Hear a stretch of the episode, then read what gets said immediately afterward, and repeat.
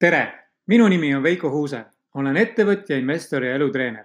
sa kuulad minu audioloengute sarja kümnendat loengut. et aru saada minu õpetustest, siis on väga oluline, et kuulad ennem seda ära minu sissejuhatav audio ja üheksa esimest audioloengut. see on oluline, et minu õpetused sulle kohale jõuaksid ja nendest midagi õpiksid.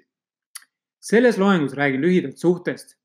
ma luban, et peale selle loo lõpuni kuulamist su mõtted on selgemad ja sa teed nii mõnegi otsuse suhte lõpetamiseks või alustamiseks. suhe kui inimestevaheline liit. inimestevaheline terve suhe tagab edu ja õnne. selles ei kahtle keegi. inimestevahelised suhted on täpselt nii palju erinevad, kui palju maakeral inimesi. sellepärast on ka maailmas palju pingeid, sest inimesed on erinevad ja neil puudub oskus elada harmoonilist elu. miljoneid aastaid tagasi oli maal harmooniline õnnelik elu sellest ei ole palju räägitud, aga vähesed teavad seda harmooniline ja õnnelik elu on võimalik ja see sõltub inimestevahelisest suhtest. me oleme indiviidid ja kujundame oma suhte oma harjumuste või harjumuste muutmise järgi. kõik inimesed on seotud seadusega, mida nad sageli ei mõista ega saa ka tühistada. nii nagu maakeral on gravitatsiooniseadus, mida ei saa tühistada, nii on ka loodusseadus. loodusseaduse järgi liiguvad energiad ja impulsid inimese mõtted tekitavad impulsse, mille tulemusel tekivad teod ja nendest tuleb tulemus. lühidalt ja lihtsalt öeldes, me jagame energiat ja sellest energiast tekib tegevus, mida kontrollib loodusseadus. abielu või kooselu või äripartnerite vaheline suhe õnnestub või kukub läbi täielikult selle järgi, kuidas osapooled teineteisesse suhtuvad ehk milliseid impulsse tekitavad.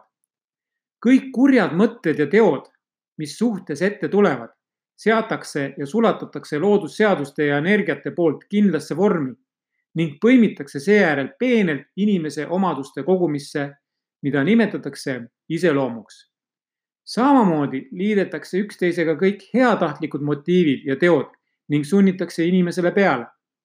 sellepärast ei määra suhte olemust mitte ainult ühe või teise teod, vaid ka tema mõtted kui kuulasid minu loengut universumi võimsamast tööriistad, siis mõistad, kui suur, kui suur roll on mõttel. abielu või kooselu või äripartnerlussuhte harmooniline kooskõla seisneb täielikult selles, kui palju on inimene valmis muutma oma harjumusi, et need oleksid vastavuses sellega, mida ta kõige enam soovib ja on valmis vastu võtma. kõik inimsuhted kujunevad ja püsivad selles osalevate inimeste harjumuste järgi terve suhe toob kõigile, kes on sellega seotud või sellest mõjutatud, mingisugust kasu.